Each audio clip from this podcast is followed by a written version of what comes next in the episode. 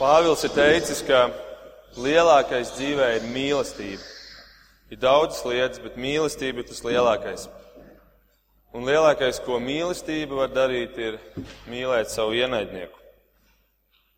Un tādēļ tas, ko mēs šodien runāsim, klausīsimies, mācīsimies, ir lielākais no lielākā.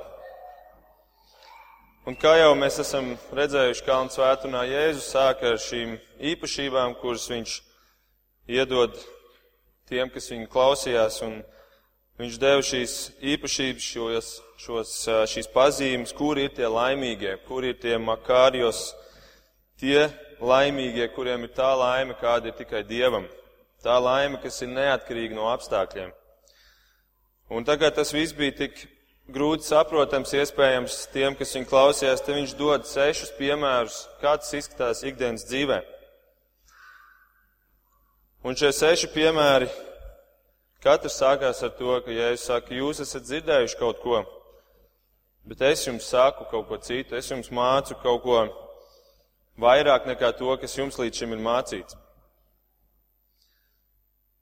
Un šie seši piemēri Jēzus viņus ir sarindojis tādā secībā, kā bija viņus iespējams visvienkāršāk izpildīt. Rakstu mācītāji un farizēji šīs sešas lietas mācīja un paši arī turēja. Un Jēzus saka, ka es jums parādīšu, ka patiesībā jūs esat šīs lietas sakropļojuši un, un nepareizi sapratuši un nepareizi viņas mācat. Un pirmā lieta bija, viņš, tā, viņš saka, jūs mācat, ka nevajag slepkavot. Un jums liekas, o, oh, es nekad neesmu nevienu nogalinājis, tādēļ es esmu ok. Bet Jēzus saka, ar tevi nav viss kārtībā, jo tu dusmojies, un dusmas ir sākums slepkavībai. Pēc tam viņš saka, jūs esat dzirdējuši, ka nevajag pārkāpt laulību. Un jūs sakat, o, to es arī nekad neesmu darījis, es mēģinu ievērot šo likumu, un galvenais, lai, lai es nekad fiziski to neizdarītu. Un Jēzus saka, Arī šeit jūs maldāties, jo patiesībā jau iekāra ir laulības pārkāpšana. Un tad trešais ir, viņš saka, jūs esat dzirdējuši, ka, ja jūs šķiraties, tad jums vajag iesniegt šķiršanās rakstus, un mēs to darām, un tāpēc arī mēs esam šajā ziņā izpildījuši likumu. Un Dievs saka, patiesi, un ja es saku patiesībā, Dievs nekad nav vēlējies, ka jūs šķiraties. Dievs saka, ka jums vispār nevajadzētu piekopt šīs nebībeliskās šķiršanās. Un tad ceturtais piemērs bija, jūs esat dzirdējuši, ka jums, ka jums būs um, zvērēt pie Dieva. Un viņi saka, jā, mēs nekad neesam zvērestu pie Dieva. Um, zvērējot pie Dieva, mēs to nekad neesam pārkāpuši. Un patiesībā tas, ko viņi darīja, viņi vienkārši izvairījās no dieva pieminēšanas, viņi zvērēja pie, pie debesīm, pie zemes, pie Jeruzāles. Galvenais, lai nebūtu jāpiemina dievs. Ja es saku, jums vispār nebūs zvērēt, jums, lai jūsu runa ir tik patiesa, ka jums nav nepieciešams vispār zvērēt. Un tad piektais bija, ka jūs esat dzirdējuši aci pret aci un zobu pret zobu, bet ja es saku, ka Mūzes patiesībā to visu mācīja ar citu nozīmi. Tas bija domāts tiesai, bet nevis jūsu personīgajām attiecībām, lai atrieptos līdz cilvēkiem. Un tā mēs nonākam pie šī sestā, kas ir mūsu šodienas teksts, un kā jau es sākumā minēju, šeit ir runa par lielāko no lielākā, un šī ir, varētu tā teikt, tāda kulminācija. Un mēs varam atvērt Matei 5, un lasīt no 43. panta līdz nodaļas beigām. Mateja 5 no 43. panta. Un es arī pieminēšu citas raksturvietas, bet jūs varat paturēt atvērt šo.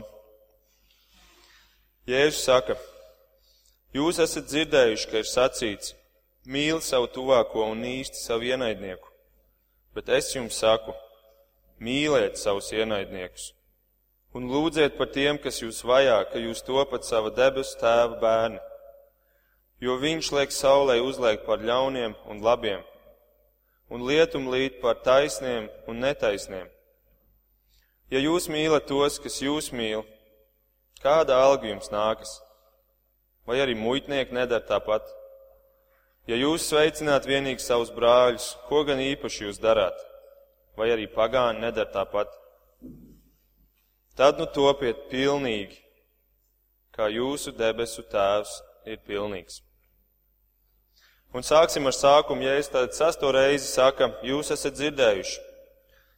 Varbūt citās vietās viņš bišķiņ citā formā to pasaka, bet visur viņš saka, jūs kaut ko esat dzirdējuši. Un kā jau es arī esmu minējis, vecajā derībā vecā derība bija sarakstīta ebreju valodā, bet tad Izraels tika nosūtīts trimdā uz Babiloniju, kur viņi pārgāja uz aramiešu valodu.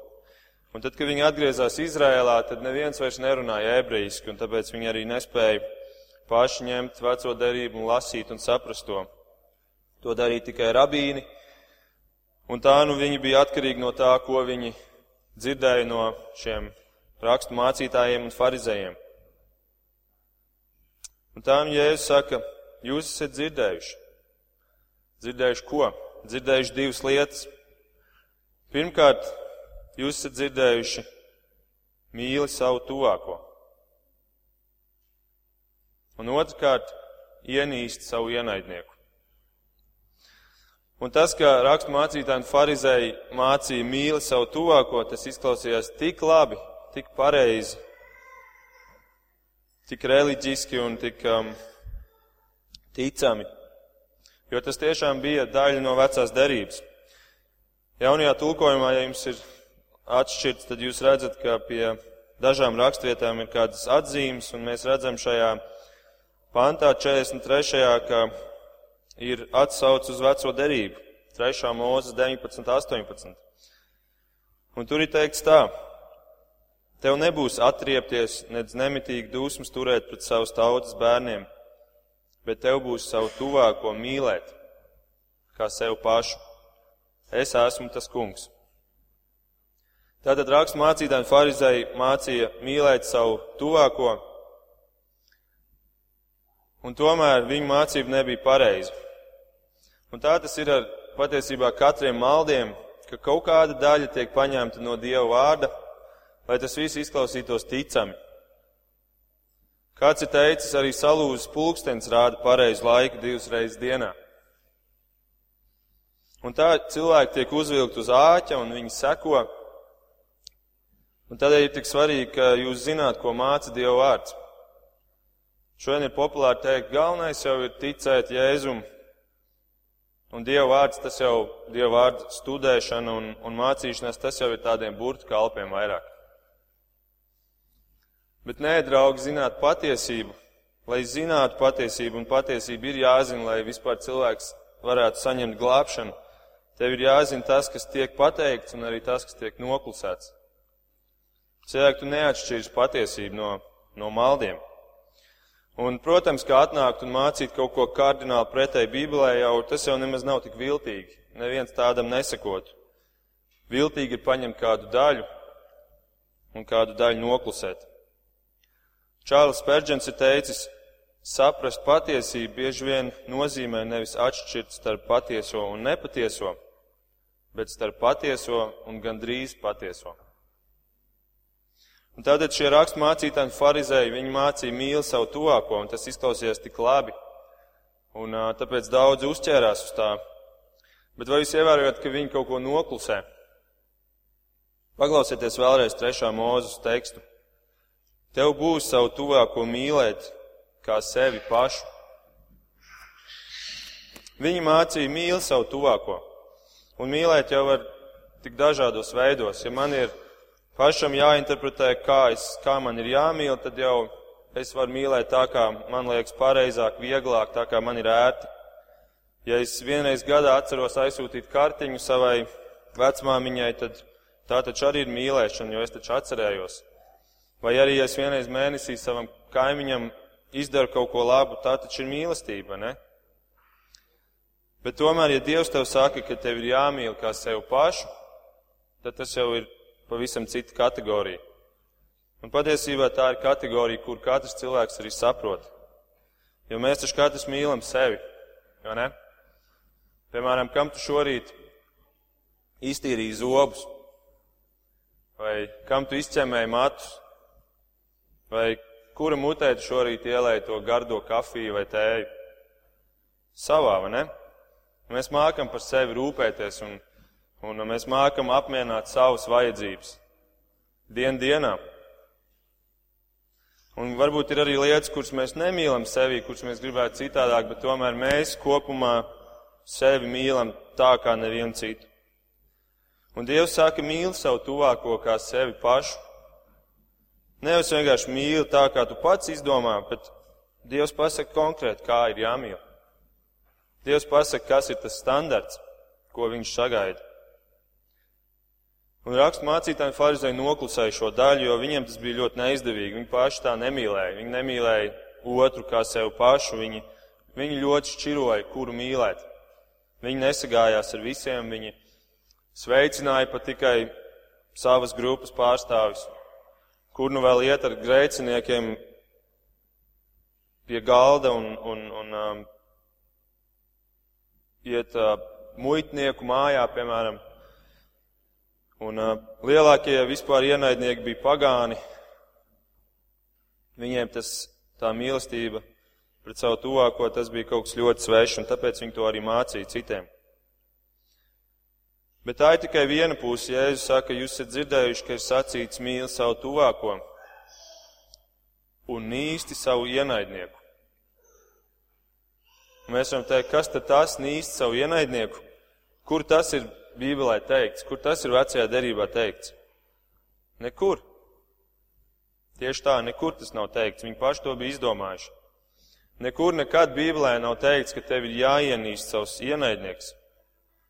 Gluži pretēji, ja mēs palasam, ko Salamans raksta 24. nodaļā Salamana pamācības, jeb sakām vārdi 24, 17, tur ir teikts tā.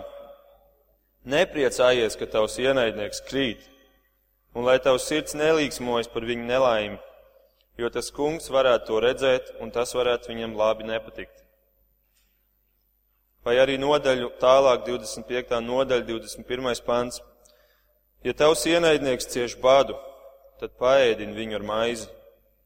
Ja viņam slāpst, tad atspirdzini viņu ar ūdeni, jo ar to tu sakrāsi kvēlošas ogles uz viņa galvas, un tas kungs tev to atlīdzinās.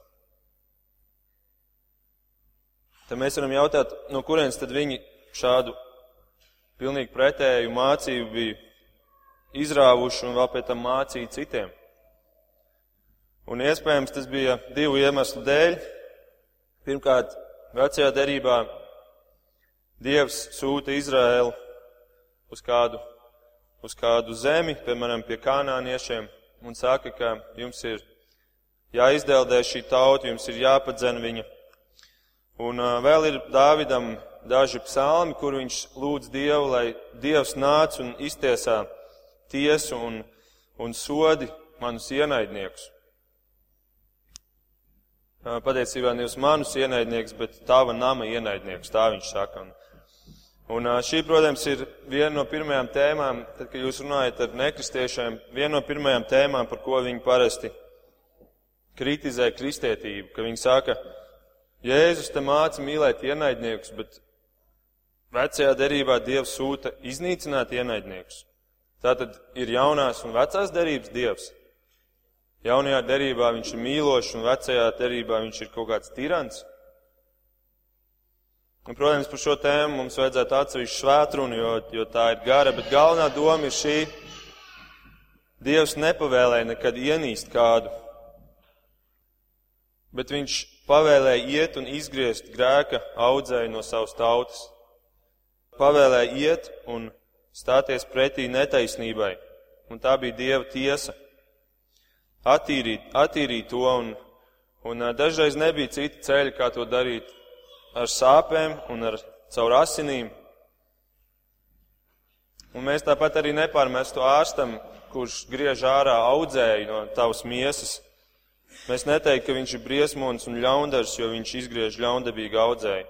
Nē, mēs viņam būtu pateicīgi. Un tāpēc Dieva vecās derības, tā saucamie svētie kāri, tas viss bija Dieva um, sots tautām, un tas bija, lai attīrītu Izraēlu no, no visas tās ietekmes, ko Dievs bija aizliedzis jā, Izrēlam, lai viņi nesajaucās ar pagānu tautām.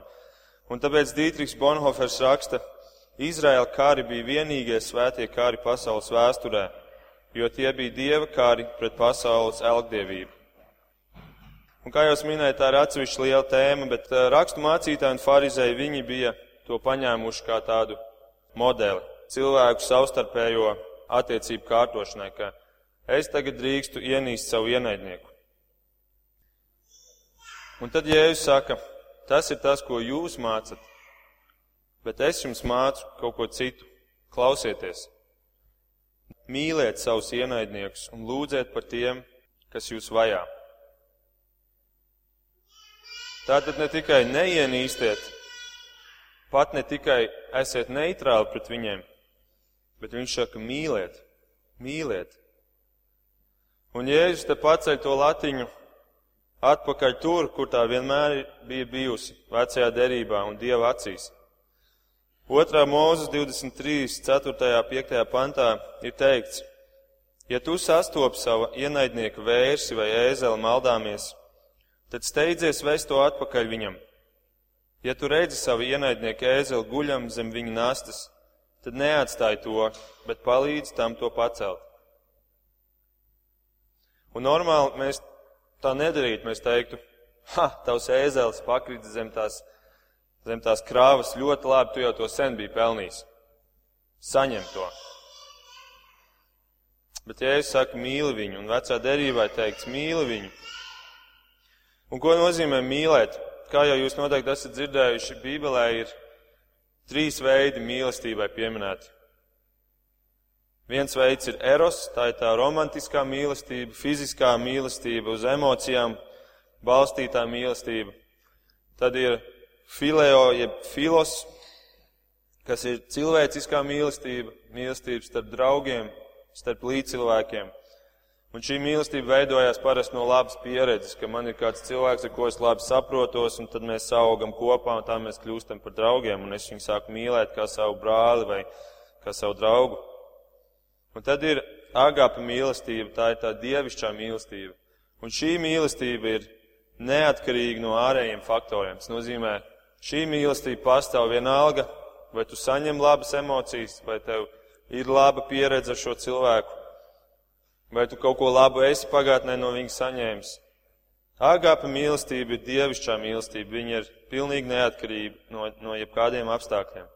Un, piemēram, Jēzus, kad viņš nāk pie Pētera un saka, Pēter, vai tu mani mīli? Viņš patiesībā jautā, Pēter, vai tu mīli mani ar agapa mīlestību, ar dievišķo mīlestību? Un Pēters viņam trīsreiz atbild, Jēzu, es tevi mīlu ar filos mīlestību. Jēzu, es tevi mīlu ar cilvēcisko mīlestību. Un tikai vēlāk, tad, kad jau Jēzus ir augšām cēlies un kad, kad Pēters sāk, kad Pēters ir redzējis visu šo, šos notikumus ap Jēzu, tad viņš saprot, ko nozīmē agapu mīlestība, un tad viņš sāk mīlēt ar agapu mīlestību. Un uzminiet, kādu mīlestību šeit, par kādu mīlestību šeit Jēzus runā. Viņš runā par agapu mīlestību, par saviem ienaidniekiem. Tavai mīlestībai ir jābūt neatkarīgai no ārējiem apstākļiem. Ja tu esi ar Kristu, tad tu spēj mīlēt ar dievišķo mīlestību. Tu vairs nešķiro. Tādēļ tu spēj pat mīlēt savu ienaidnieku. Bet ja tu neesi ar Kristu, tad tev šī mīlestības forma nav pieejama, un tad viss ir balstīts tikai uz tavām emocijām, uz tavu pieredzi. Ja kaut ko labi es esmu guvis no viņa, tad es viņu varu mīlēt, tad man ir iemesls mīlēt viņu. Bet pat 1. korintiešiem 13. nodaļā, kur ir tas lielais, varbūt visslavenākais apraksts par mīlestību, tur ir minēts 15 mīlestības pazīmes, un neviena no viņām nav balstīta uz emocijām. Tie visi ir darbības vārdi. Neatkarīgi no tavām emocijām, tu mīlēsi. Neatkarīgi no tā, ko tu esi saņēmis, tu mīlēsi. Un tāda ir Dieva mīlestība arī uz mums. Un Mēs viņam neesam kaut ko labu darījuši, lai viņš spētu mūs mīlēt. Viņš mūs ir mīlējis, pirms mēs vispār spējām kaut ko labu izdarīt. Un tāda ir arī Dieva bērnu mīlestība. Pat ja tev nav emociju labu, tev nav ieguvumu no šīm attiecībām tu tomēr mīli. Un to pašu Jēzus saka tālāk. Kaut arī jums nav nekāda labuma, labu emociju, labu emociju vai kādas labas pieredzes no jūsu ienaidniekiem, kas ir loģiski, ienaidnieks jums nedos labas emocijas. Viņš pat saka, pat ja viņi jūs vajā, kas ir varbūt vislielākā ienaidnieka forma, tad lūdziet par viņiem. Lūdziet par viņiem. Un zin, ko lūkšana dara? Tā izmaina viņus, bet tā izmaina arī tevi. Tā izmaina viņus, jo tu sagatavo, jeb Dievs viņus sagatavo vēstī, evaņģēlīju vēstī, un, un tādā veidā viņi sāk mainīties. Un pirms tu kaut ko vari viņiem dot, pirms tu vari viņiem sludināt evaņģēlīju, sāc lūgt par viņiem. Un tā maina tevi, jo tā nojauc visus tos šķēršļus, kuri tev attur viņu mīlēt. Dītrīs Bonhofers, vēlreiz viņu pieminot, viņš teica tā, caur lūkšanas līdzekli mēs aizējam pie sava ienaidnieka, nostājamies viņam blakus un aizstāvam viņu Dievu priekšā. Caur lūkšanas līdzekli mēs aizējam pie sava ienaidnieka, nostājamies viņam blakus un aizstāvam viņu Dievu priekšā. Tātad caur lūkšanu mēs nostājamies viņu pusē, mūsu ienaidnieku pusē. Un es jau esmu pieminējis um, iepriekš grāmatu par Ugandas kristiešiem. Un tur bija kāds vīrs vārdā Kēfa, kurš bija tas, kurš Ugandā izveidoja visu šo kristīgo draudzi. Un, un uh, viņiem pie vārdas bija kāds tirāns, kurš bija, kā arī beigās var saprast, viņš bija ar diezgan sātanisku ietekmi un viņš vajāja briesmīgā veidā visus kristiešus. Un, un uh, viņš arī meklēja dabūt šo kēfu rokā, un vienu dienu pēc viena brīvdabas dievkalpojuma šis kēfa iegāja savā draudzes namā paņemt kādas mantas. Un aiz viņa ienāca pieci vīri šajā telpā. Un tie bija pasūtījumi slepkavas.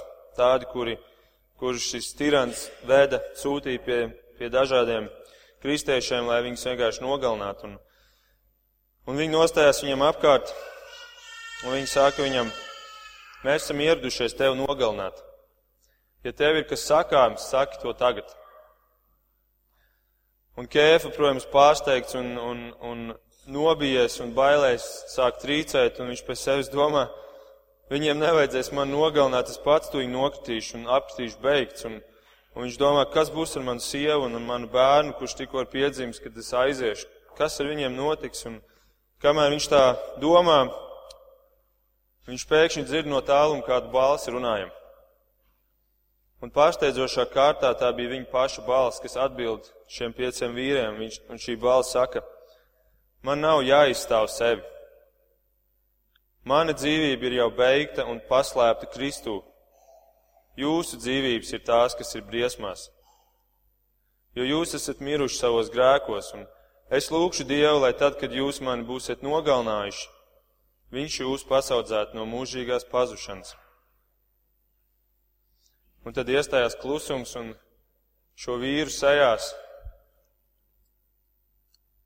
pazuda naids, tās izmainījās, un šo vīru vadonis viņam atbildēja, vai tu vari lūgt par mums? Un Kēf teica, es lūgšu par jums tēvu, nolieciet galvas un aizveriet acis. Un viņš lūdza par šiem vīriem, un šie vīri vēlāk piebiedrojās draudzē. Paši kļuva par tiem, kurš pēc tam vajāja. Un tā ir dievišķā agapa mīlestība, tāda, kur ir tikai tiem, kuriem ir dievs. Un tad, kad Jēzus bija piesits pie krusta, un tad, kad viņam spļāva visu, un tad, kad viņu lamāja, ko viņš darīja? Viņš lūdza par saviem ienaidniekiem, piedod viņiem, tēvs, jo viņi nezina, ko viņi dara. Un kāds teikt, nu labi, labi, tas jau ir Dievs, tas jau Jēzus, viņš jau to spēja. Bet apstuļu darbu septītajā nodaļā ir aprakstīts stāsts par pirmo kristieti, kurš mirst savas ticības dēļ par Stefanu. Un pēc spēcīgas uzrunas jūdu priekšā Un tā vēsts bija tik spēcīga, ka viņi bija tik ļoti saniknoti un viņi pilnīgi aizbāza savu sausi, lai viņam nebūtu jādzird, ko Stefāns saka viņiem. Pēc šīs uzrunas viņi iztūma viņu ārā, lai nomētātu akmeņiem. Un parasti tas notika tā, ka viņi aiztūma uz kādu vietu, kur bija kāda nogāze, parasti tie bija kādi, nu, trīs metri. Nogrūd viņu lejā šo cilvēku, lai viņš tur salauz guļu zemes. Un tad nāca apsūdzētāji un pa vienam nosauca savu apsūdzību un mēta akmeni pa galvu, lai, lai, lai iznīcinātu šo cilvēku. Un tā tur šis Stefans guļ salauzts. Un tomēr viņš savēlāk kājas zem sevis, lai tiktu uz ceļiem un skaļā balsī lūdza, kungs nepielīdzina tiem šo grēku. Un Džons Makārtūrs labi teicis, iedzītās naglas nespēja apklusināt Jēzu. Ietriektie akmeņi nespēja apklusināt Stefanu. Nes, kas ir apklusinājis tavas lūgšanas. Tad Jēzus šeit saka, kalnu svētrunā mīlēt un lūdzēt par saviem ienaidniekiem. Un mēs varam jautāt, kādēļ, un viņš to atbild nākamajā pantā, 45. Mīliet savus ienaidniekus, ka jūs topat savu debesu tēva bērni. Ko tas nozīmē? Pavisam vienkārši, lai jūs pierādītu pasaulē, ka jūs esat sava debesu tēva bērni. Lai pasaules acīs jūs topat debesu tēva bērni. Un pirmā Jāņa vēstulē mēs mācījāmies, ka Dievs ir mīlestība. Tādēļ, ja tu mīli citus, to apliecina, ka tu esi no Dieva. Un ja tu nemīli, savus tuvākos, savus brāļus, tad kā tu vari apgalvot, ka tu esi no Dieva? Un ja es turpina, jo viņš jūs tēvs liek saulē uzlaikt par ļauniem un labiem, un lietum līt par taisniem un netaisniem. Citiem vārdiem sakot, jūsu tēvs nešķiro, kam dot šīs svētības. Viņš nešķiro, kam viņš dos šo žēlsirdību. To saņem visi, gan taisnie, gan netaisnie. 145. psalmā, 15. un 16. pantā ir teikts, visas acis gaida uz tevi, un tu viņiem dod viņu barību savā laikā. Tu atver savu roku un paēdini visus, kas dzīvo. Tātad Dievs dod svētības visiem, un to teoloģija sauc par vispārīgo žēlastību, common grace. To saņem visi. Ir arī special grace, kas ir īpašā žēlastība, tas ir tā, kuru saņem tie, kuri tiek izglābti, bet šo vispārīgo saņem visi. Ja šodien vai nākamnedēļ būs labs laiks un saules spīdēs, to saņems arī tie, kuri, kuri netic Dievam, kuri pat nenojauš, ka to dod Dievs.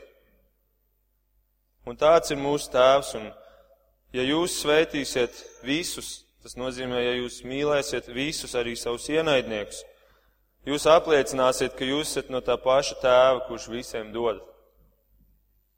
Tāds ir jūsu tēvs pretēji pasaulē, kurš šādi nerīkotos.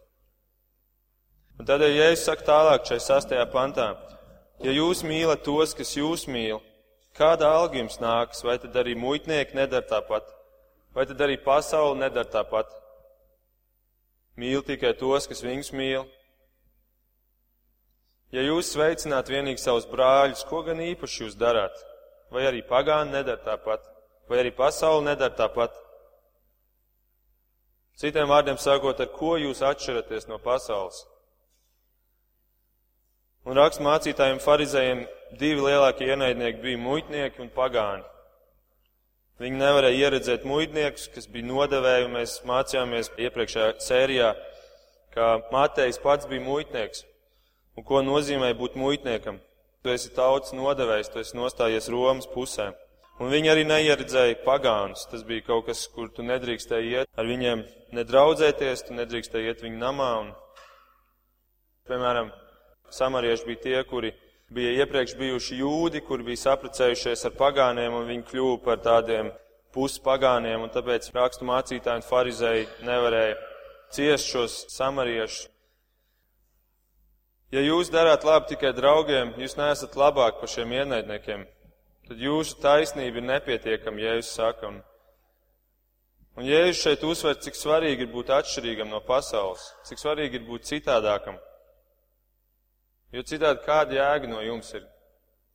Kāda atšķirība, ja jūs esat tādi paši kā pasaule? Un tā mēs esam nonākuši pie pēdējā panta, šīs nodaļas pēdējā panta, un, un tas ir ļoti īpašs pants. Jo, ziniet, ja Kalnu svētrunā Jēzum viss cauri ir kāda slēpta doma, ja mēs tā varam teikt. Kāds apslēpts mērķis, uz ko viņš iet. Un tas ir parādīt cilvēkiem, ka viņi paši ir nespējīgi, vienalga, cik ļoti viņi censtos.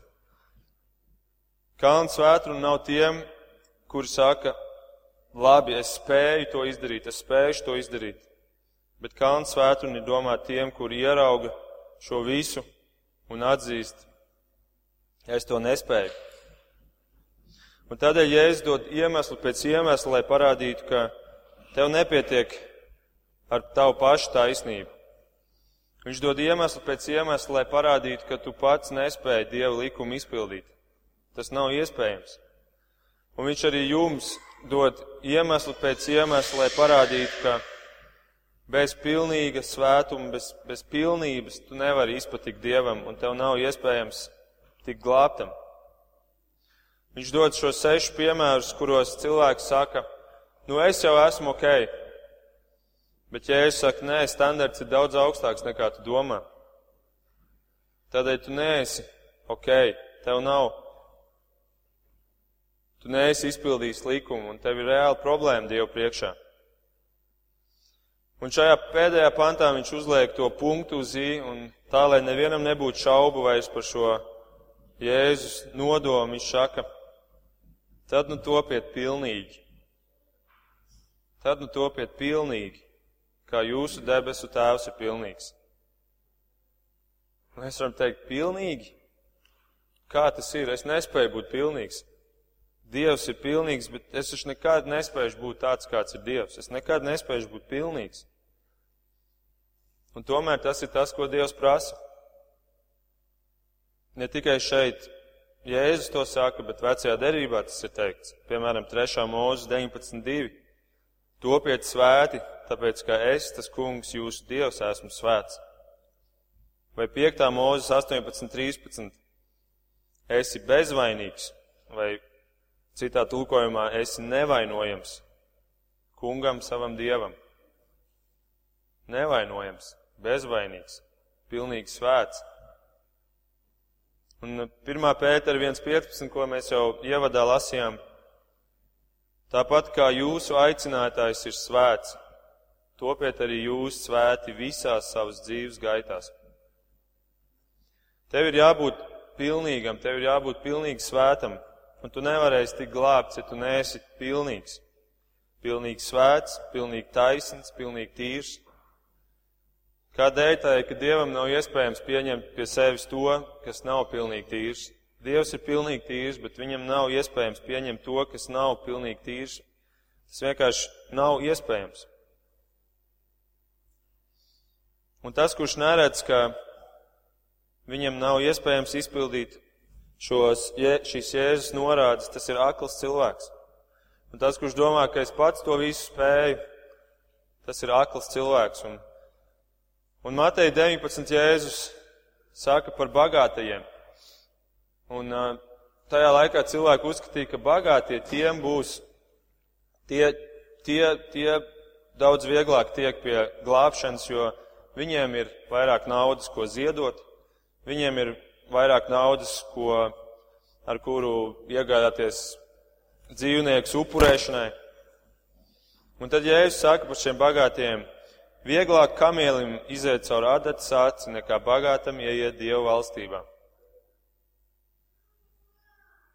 Un kādēļ ir šāds salīdzinājums? Vai tad kamielis spēja iziet caur adatas aci, ka viņš saka, tādam ir vieglāk iziet? Nē, Ja es šeit vienkārši pasaku, ka šīs abas lietas ir pilnīgi neiespējams. Un tad mācekļi Jēzum jautā, bet kas tad var tikt pestīts? Mēs varam teikt, Jēzus, tu prasi, lai mēs esam pilnīgi. Bet kas tad var tikt pestīts? Kurš tad to spēj? Un Jēzus ļoti skaidri atbild, viņš saka, cilvēkam tas nav iespējams. Cilvēkiem tas nav iespējams. Un ar to mēs varētu beigt šodienas svētrunu un pateikt, piedodiet, draugi, mums tas nav iespējams. Mēs nevaram būt pilnīgi. Bet tad sāktu brēkt visas tās balsis, to vīru un sievu balsis, kuras ir nokrituši uz ceļiem un kuras atzīst, ka es to nespēju, bet man to vajag. Man vajag šo pilnību, jo es, man vajag tikt pie Dieva, man vajag glābšanu. Visu to balsi, kur vairs nevēlēs sev mierināt, ka gan jau viss būs labi. Gan jau es tikšu galā pats ar to visu. Gan jau es uzkāpšu tajā kalnā, kur Jēzus mums te ir uzvēlis kalnu svētunā. To vīru un sievu balsi, kur vairs nevēlēs rauties paši, lai sev nopelnītu attaisnojumu tiesas dienai, lielā tiesneša priekšā.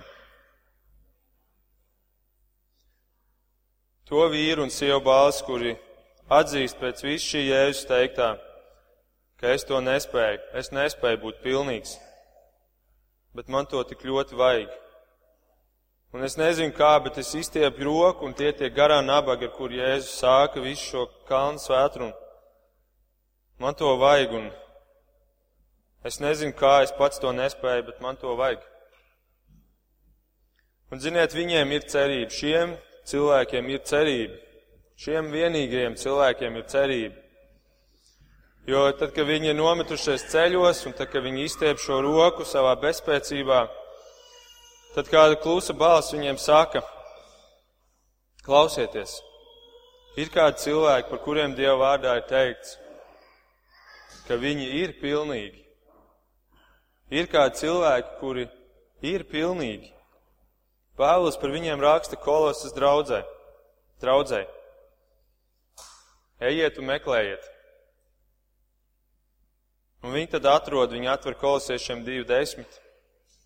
Un viņi lasa, ka Pāvils raksta, ka jums ir dota pilnība viņā, kas ir galva ikvienai valdīšanai un varai.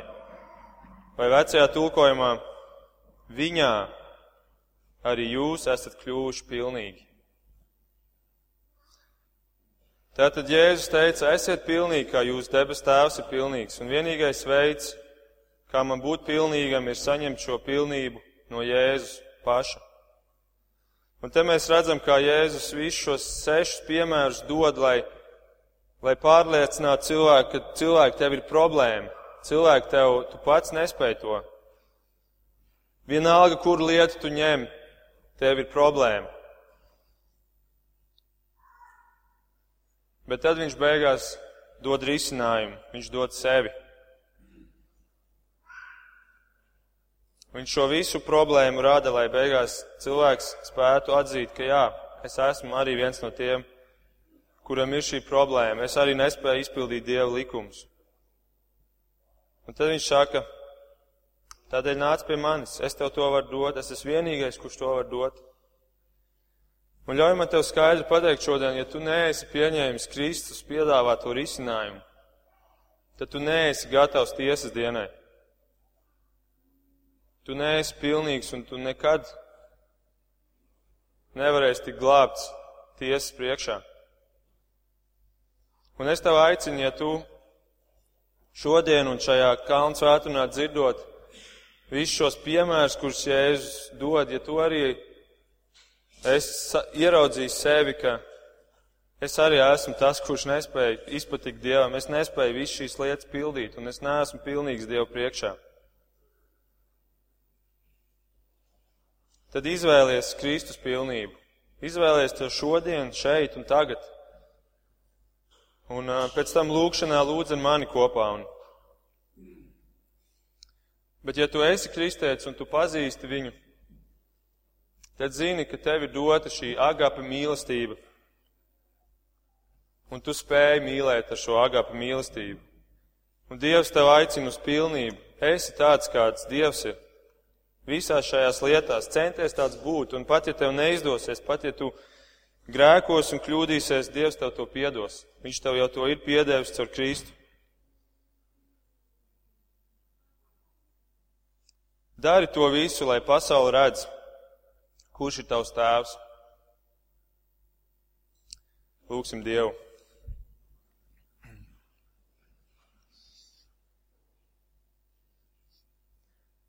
Debes Tēvs, mīļais Jēzu, mīļais Svētais Gars, paldies, ka Tu esi šeit un ka caur Tavu vārdu, kungs, Tu runā un runā lūdzu, kungs, uz katru mums un vienalga, vai mēs esam Tavu bērni vai mēs tādi vēl neesam. Palīdz mums saprast, kungs, ko nozīmē būt pilnīgam palīdz mums saprast, ko nozīmē, ka tu prasi, ka mēs esam pilnīgi tavā priekšā. Un, un kungs, es lūdzu par katru no tiem, kuri tevi vēl nepazīst, kuri nav vēl uzticējuši savu dzīvi tev. Ka viņi, kungs, stāvot šī lielā kalna priekšā, lai, lai viņi ne, ne, necenstos paši kāpt viņā, kungs bet lai viņi spētu atzīt, ka viņi to nespēja. Un lai viņi ieraudzītu to, ka tu to esi jau izdarījis reizi, un tu esi vienīgais, kurš to spēj, kungs. Un tu esi vienīgais, kurš var dot dzīvību, kurš var dot pilnīgu taisnību tiesas priekšā, kungs. Un uh, mums, kristiešiem, kungs, es tev lūdzu, ka mēs atšķirtos no šīs pasaules, ka mēs nebūtu tādi, kā ir šī pasaule, ka caur mūsu dzīvēm varētu redzēt tevi, ka, mē, ka varētu redzēt, ka mēs esam tavu bērnu, kungs. Lūdzu, palīdz uz to un palīdz, ka mēs būtu pilnīgi tavā priekšā, gan uh, mūžības skatījumā, gan arī šajā dzīvē. To mēs lūdzam Jēzus tavā vārdā. Āmen.